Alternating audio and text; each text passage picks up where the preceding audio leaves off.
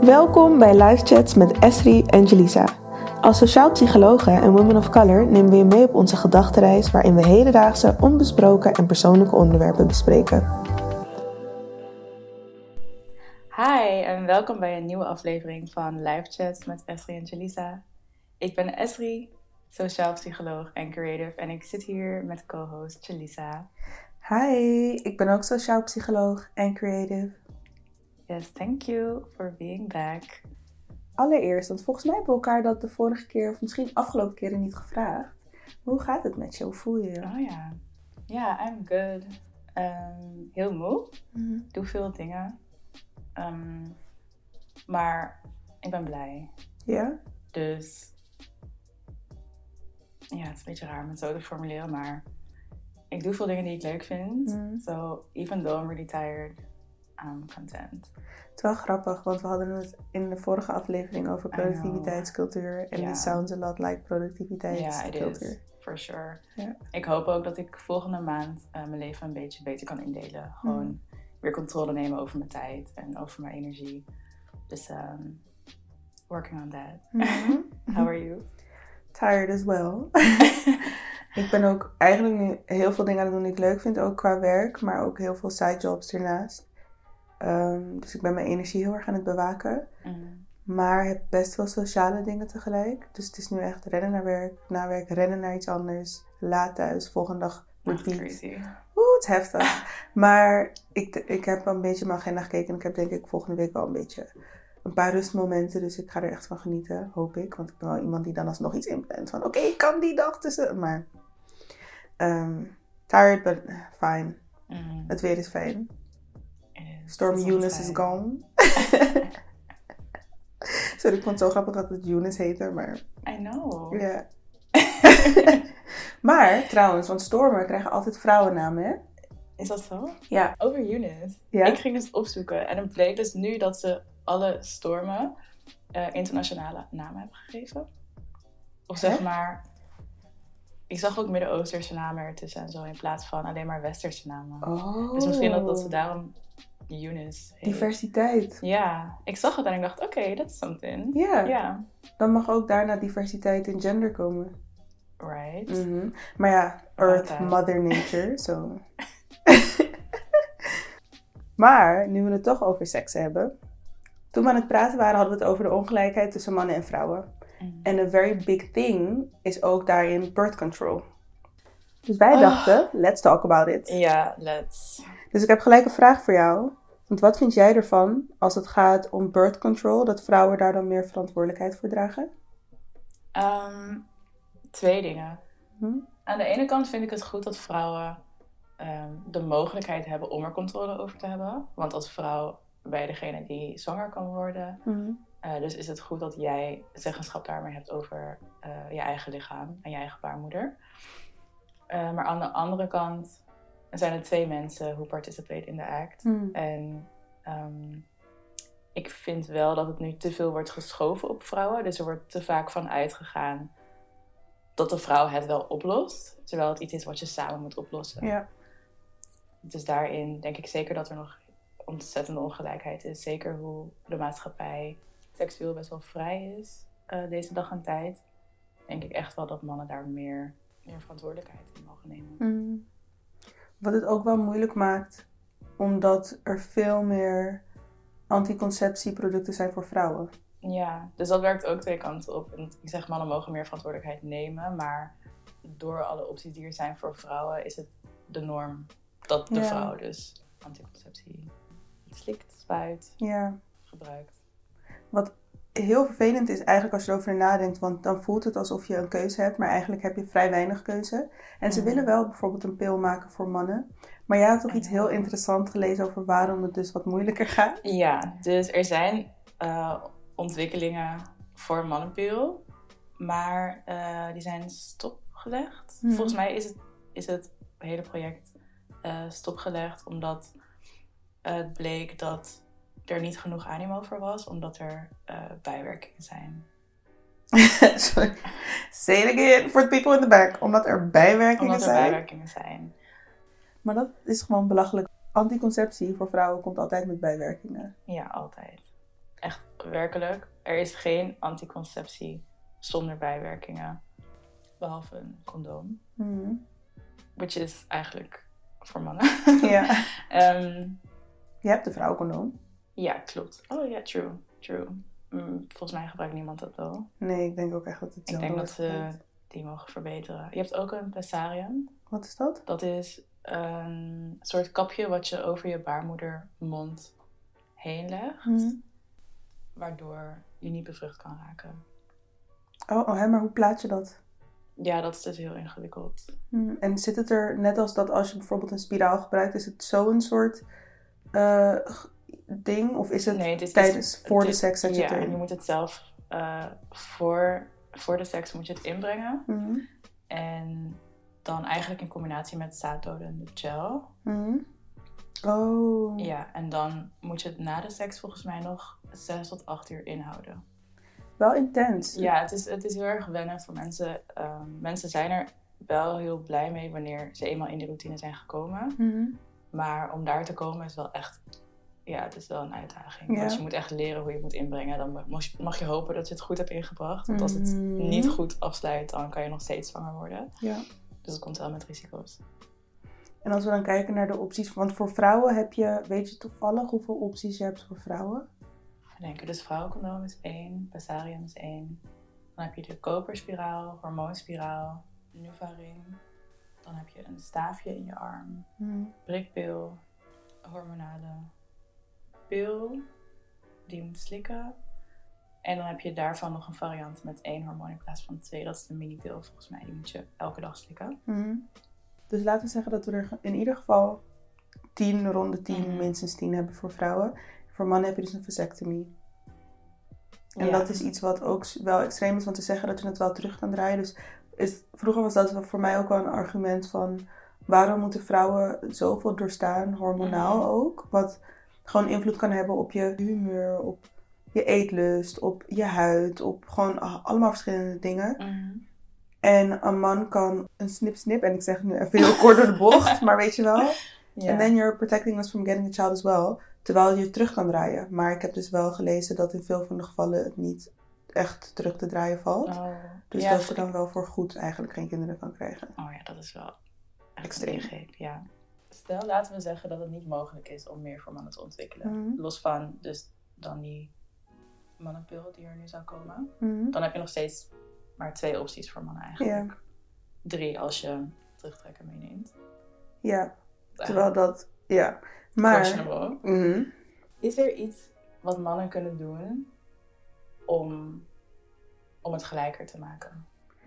ik persoonlijk denk dat, want, en dit is dan ook een generalisatie hoor, waarschijnlijk. Maar ik hoor veel om me heen dat mannen bijvoorbeeld gewoon denken, laten we gewoon geen condoom gebruiken. Het komt goed, aan mijn pull-out, weet je wel. Dus dan gaat het heel erg op dat moment, vind ik, om. En natuurlijk is het ook fijner voor de vrouw, maar toch wel omdat het fijn is voor de man. Mhm. En voor een vrouw, een man denkt dan niet: oh mijn god, maar stel we krijgen kinderen, weet je wel. Dat is het, want eigenlijk is het, is het en fijner voor de man dan dat het zoveel fijner voor de vrouw is. Mhm. Het is inderdaad voor allebei fijner. Maar het risico voor de man is gewoon zo... is niet heel vergeleken met het risico voor de vrouw. Dus dan zou ik zeggen: meer rekening houden met alles wat erbij komt kijken. Als je wel bijvoorbeeld zwanger raakt samen, ja, dan ga je er ook samen doorheen. Maar wel dat je je ervan bewust bent dat die kans er echt is. Want ik snap dat je in het moment zit je je gevoelens en weet je wel, oh, wat fijn is, is fijn. Maar het is wel, ehm, als je niet van plan bent om kinderen te krijgen, is dat heel erg riskant. Ja, of... Ja, wat ook nog een ding is... Je hoeft dan natuurlijk geen kind te krijgen, maar als man hoef je ook Ja. niet door een abortus heen. Dus het is Ja. gewoon op zoveel levels. Veel meer low Ehm, risk. Eigenlijk, als je zo alles naast elkaar zet, zou je als man gewoon altijd initiatief moeten nemen Mhm. om, om elkaar te beschermen. Maar dan heb je ook bijvoorbeeld na de seks, dat je dan de volgende dag bijvoorbeeld een morning after haalt. Oh my god. Ik heb begrepen dat veel vrouwen dat halen. Dat is dan ook weer haar verantwoordelijkheid. Terwijl Ja. die dingen zijn duur, toch? Los van dat het duur is, En het is niet goed dat voor is nog ja, de least of my concern. Zeg maar, ik heb nog nooit nagedacht over de prijs, om eerlijk te zijn, van de morning after pill. Want het is Mhm. worth als je niet zwanger wil worden. True. Het is volgens mij 7 euro, die andere Oh, is 11 echt? euro. Ik dacht dat het duurder was. Want het is echt 30 euro of zo. Nee, het is sowieso onder de 20 euro. Oh. Maar de aanslag van hormonen op je lichaam Mhm. is gewoon crazy. Het is zo ongezond. Mhm. Het is gewoon basically wat je met de pil elke dag slikt, wat ook al niet gezond is. Mhm. Maar dan in één keer, keer volgens mij 30 of zo. Ja. Oké, laten we niet over nummers praten, maar het is gewoon heel veel meer.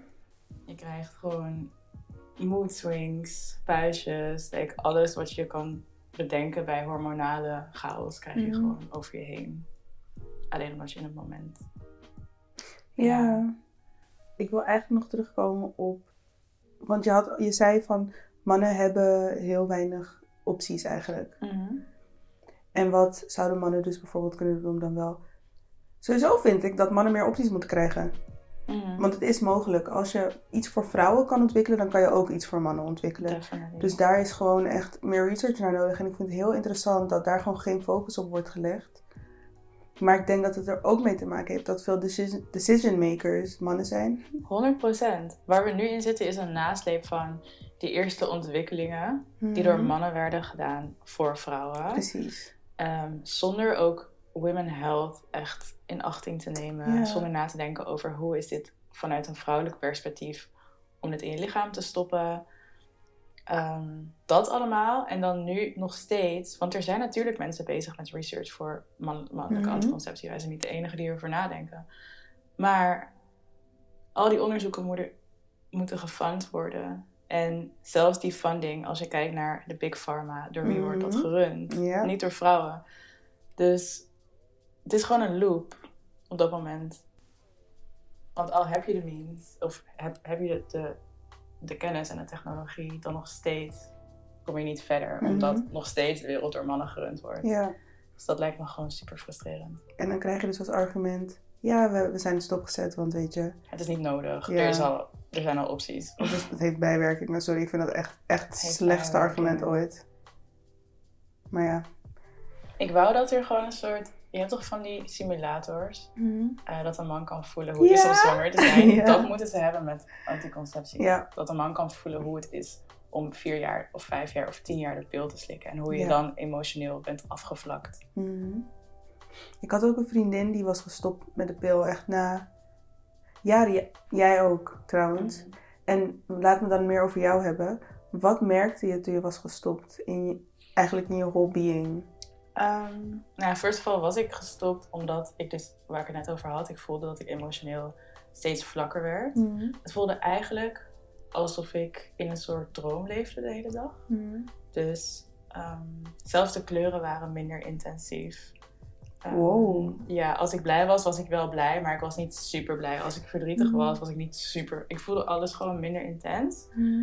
En dan was daarvan ook gewoon de kennis over dat je baarmoeder eigenlijk op pauze staat als je de pil gebruikt. Eh, als je ongesteld bent, dan ben je niet echt ongesteld, maar het zijn de hele tijd doorbraakbloedingen van withdrawal van die hormonen. Ehm, en dat vond ik ook gewoon geen fijn gevoel. Gewoon heel erg onnatuurlijk. Maar ehm, ja, ook gewoon dat mentale gedeelte. Dat was voor mij gewoon echt de druppel om te zeggen, ik ga Mhm. stoppen. En daarna merkte ik de eerste paar maanden dat ik echt wel sowieso emotioneler werd. Dus ik kon ook makkelijker huilen. Dat vooral. Maar ik voelde me ook echt veel blijer. Ik kan me echt nog een paar momenten herinneren dat, herinneren dat ik bijvoorbeeld over straat liep. En dat ik gewoon echt voelde van wauw, ik leef. Dat je echt Mm. gewoon, het voelt alsof je wakker wordt. Super bizar. Ja. En ehm, mijn huid werd slechter. Maar dat is nu weer uitgebalanceerd. En dat Mm. gebeurt heel vaak. Omdat veel jonge meiden, wanneer ze beginnen met de pil...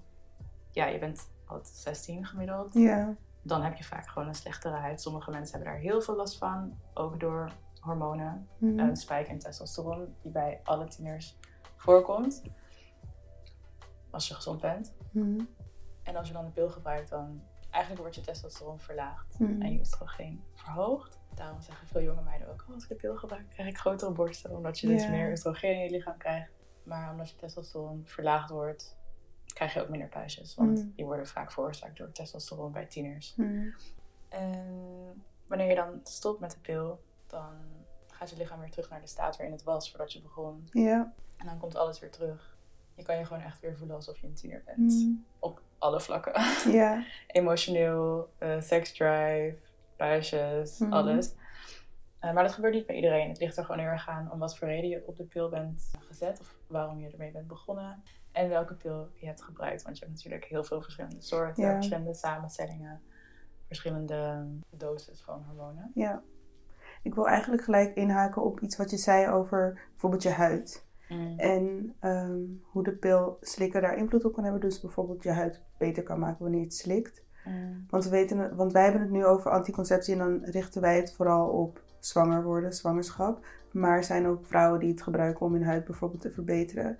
Maar dit is iets waar ik dan wel vraagtekens bij heb. En misschien heb jij daar ook iets aan toe te voegen. Maar vooral dat soms dan heb je dat tieners naar de huisarts gaan. Mm. En aangeven dat ze acne hebben en ze willen er vanaf. En dan krijgen ze de pil voorgeschreven. Ja. Ik vind dat zo. Ik weet niet of ik. Dat is een soort pleister op de wond plakken. Want dan moet je dus eigenlijk Ja. de pil blijven slikken om je huid goed te hebben. Terwijl het ergens anders vandaan komt. En er wordt niet genoeg aandacht besteed aan ontdekken waarom je een slechte huid hebt. En dat dan fixen zodat je het niet meer krijgt, maar je krijgt een pil. Ja. Dat is zo erg normaal om aan vrouwen voor te schrijven. Ik vind het echt 100% onethisch. Mhm. Want los van dat je de medische oorzaak niet aanpakt, krijgen jonge meiden helemaal geen disclaimer eh, over wat het met hun lichaam Mhm. doet in de lange termijn. Je, je krijgt daar helemaal niks over te horen. Je hebt een bijsluiter. En in die, die bijsluiter heb ik toen wel gelezen, Mhm. toen ik 16 was. En toen stond er wel in, ja, je moet niet eh, roken in combinatie met de pil. eh, want als je een geschiedenis hebt van hart- en vaatziekten of eh, bloedklontering, dan mag je de pil ook niet gebruiken, Mm. want dat verhoogt de kans. Maar die lange termijn effecten staan ook niet in de bijsluiter. Mhm. En dat is echt de taak van de huisarts. Ja. Ik ken zelfs meiden die vanaf hun dertiende op de pil Oh, zijn gezet omdat ze bijvoorbeeld een zware menstruatie hadden. Of veel eh, jonge vrouwen hebben PCOS Mhm. en hebben daarom last van hun menstruatie. Worden op de pil gezet. Terwijl, je, terwijl je eigenlijk op dat moment moet beginnen, zodra je erachter komt, met je lichaam ondersteunen. Ervoor te Mhm. zorgen dat je ehm, ja, je baarmoeder gezonder kan maken. Dat je zo gezond mogelijk bent. Ja. Zodat je lichaam kan ondersteunen in haar natuurlijke processen. Precies. Ik vind dat dat gewoon niet moet mogen. Ik, Mm. ik bedoel, ik ben niet tegen de pil. Ik vind het supergoed dat het er is. Mhm. Maar je moet echt gedisclaimd worden. En je moet weten Ja. waar je aan begint. Want als je 15 bent, denk je daar niet over na. Precies, plus je bent nog aan het ontwikkelen. Je leert jezelf eigenlijk nog kennen. En, en ik ben ook niet tegen de pil hoor, maar zoiets kan wel echt invloed hebben op je emotionele ontwikkeling. Als in hoe je jezelf daarin leert kennen. Want ik ken ook mensen bijvoorbeeld die zijn gestopt en die dan ineens weer. Of dat ik mensen kende voordat ze eraan gingen, tijdens dat ze eraan zaten en er weer afgingen. En dat ik besefte, wow, je bent jezelf weer. Ja, zo voelde ik me ook. En dat is zo ziek. En Ja, als je echt ziek, 16 bent of jonger, dan heb je misschien niet eens het moment gehad waarin je echt wist wie je was. En dan ben je al aan de pil en dat heeft zoveel invloed op je hormonen dat je eigenlijk een andere vorm van jezelf kan worden. En waar je dan niet, je weet het niet totdat je stopt. Maar ik kan me dan ook heel goed voorstellen dat als je bijvoorbeeld wel aan de pil ging vanwege acne en je huid is geweldig. En je stopt weer en je krijgt ineens weer zieke acne. Dat kan zoveel invloed hebben op je zelfvertrouwen. En dan snap ik dat je er bijvoorbeeld wel weer naar terug gaat. In plaats van dat je dan gaat uitzoeken waar het vandaan komt, bijvoorbeeld. Ja, er zijn heel veel vrouwen, er zijn ook cijfers van, er zijn superveel vrouwen die met de pil stoppen. Ehm, maar een heel groot gedeelte van die vrouwen gaat weer terug Hmm. eh, vanwege hun huid. En je hebt trouwens ook, als we het dan hebben over anticonceptie, dus om niet zwanger te worden, heb je ook eh, genoeg vrouwen die bijvoorbeeld wel een koperspiraal gebruiken. En ik hoor dat dat heel erg pijn kan doen als het bijvoorbeeld verkeerd wordt geplaatst. Ik heb heel veel hoorverhalen. Ja, het is echt het is zo extreem. En ik ken ook gewoon iemand die bijvoorbeeld een spiraal had laten zetten. Toen was het ineens verdwenen en was zwanger geworden. Weet je wel, dan denk je dat je alles hebt gedaan. Ja, Maar het, er is nooit 100% zekerheid. Dus het is gewoon eng. Want de dan ga je er... zekerheid is celibaat zijn. True, of je condoom heel goed gebruiken is 98%. Oh, dat is pretty good. Ja. En als we het dan hebben over ehm, eh, anticonceptie om niet zwanger te raken. En andere manieren waarop het dus ook kan. Om Mhm. dus niet zwanger te raken. Als dat niet is wat je wil. Dan heb je dus ook outer course. Ik heb er nog nooit van gehoord. Maar Ik ik, heb er wel een beeld bij. Ja. Dat is gewoon eigenlijk alles behalve penetration. Mhm. Dus op zich, weet je, als je graag vrij wil zijn en niks wil gebruiken, dan is outer course ook een optie. Vraag me af of Valt dat onder celibaat zijn? Ik ga het nu opzoeken. Oké. Celibaat wil zeggen bewust kiezen voor een leven zonder seks. Oh, Maar wat is de definitie van seks? ja. Ik heb hier echt veel discussies over gehad. Meanwhile, I could have just googled it the whole time. Ja, echt zo.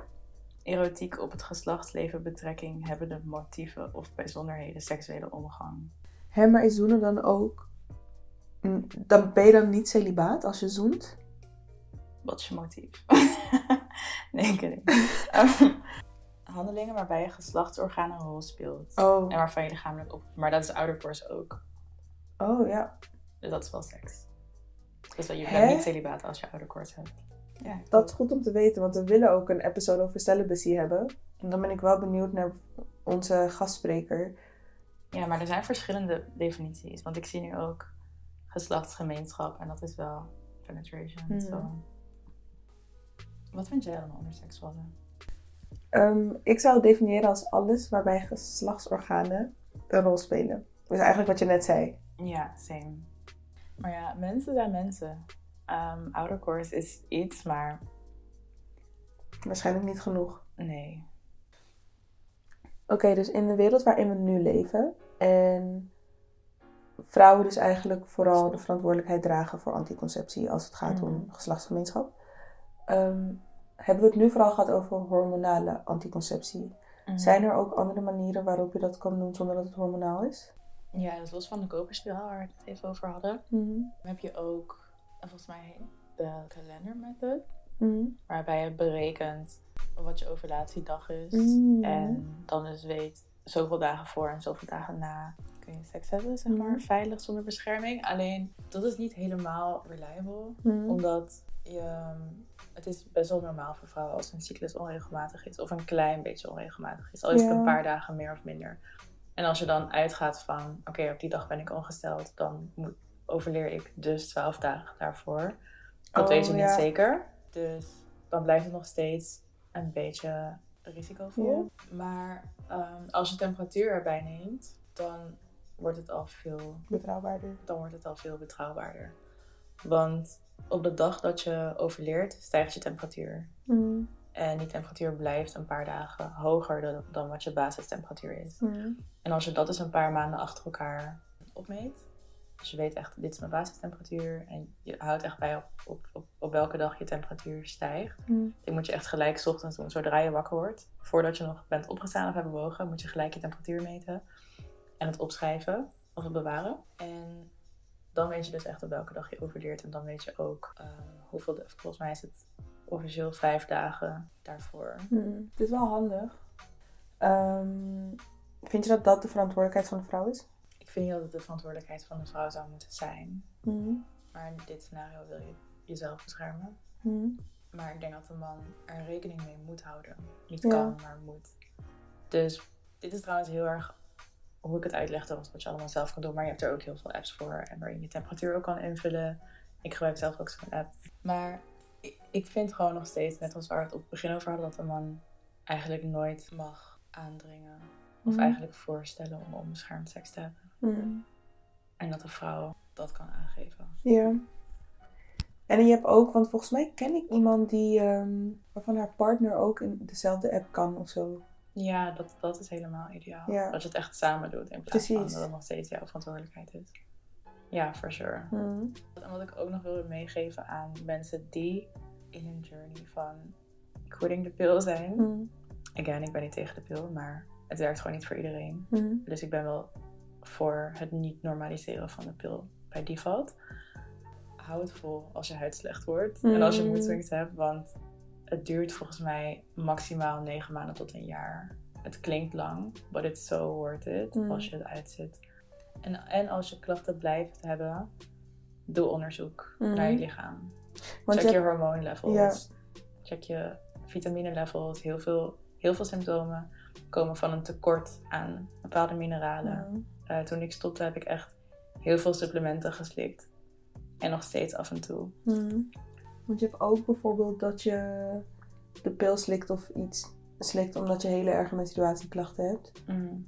Ehm, maar daar zit ook vaak een oorzaak aan. Want ik wist dus bijvoorbeeld, ik heb zelf heel veel last van menstruatieklachten, maar ik slik geen pil of zo.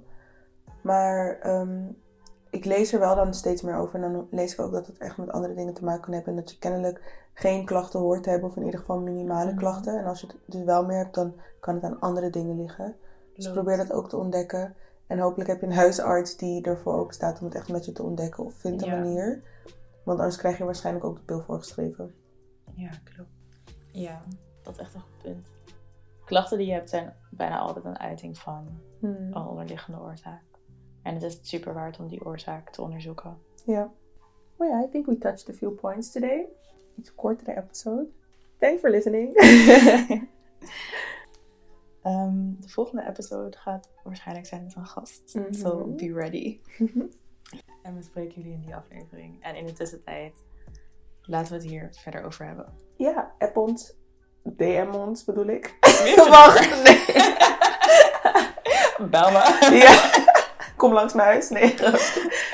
Laten we het erover hebben, want we zijn heel erg benieuwd naar hoe jullie erover denken. Misschien hebben we iets niet besproken wat we hadden moeten bespreken, of iets te kort. En dan horen we dat ook graag. Ja, dit is echt sowieso een heel breed onderwerp. Ja. So let's talk about it. Alright. Bye. Bye. Thanks voor het luisteren. Praat met ons mee. Je kan ons op Instagram vinden onder Esri en Tremaine.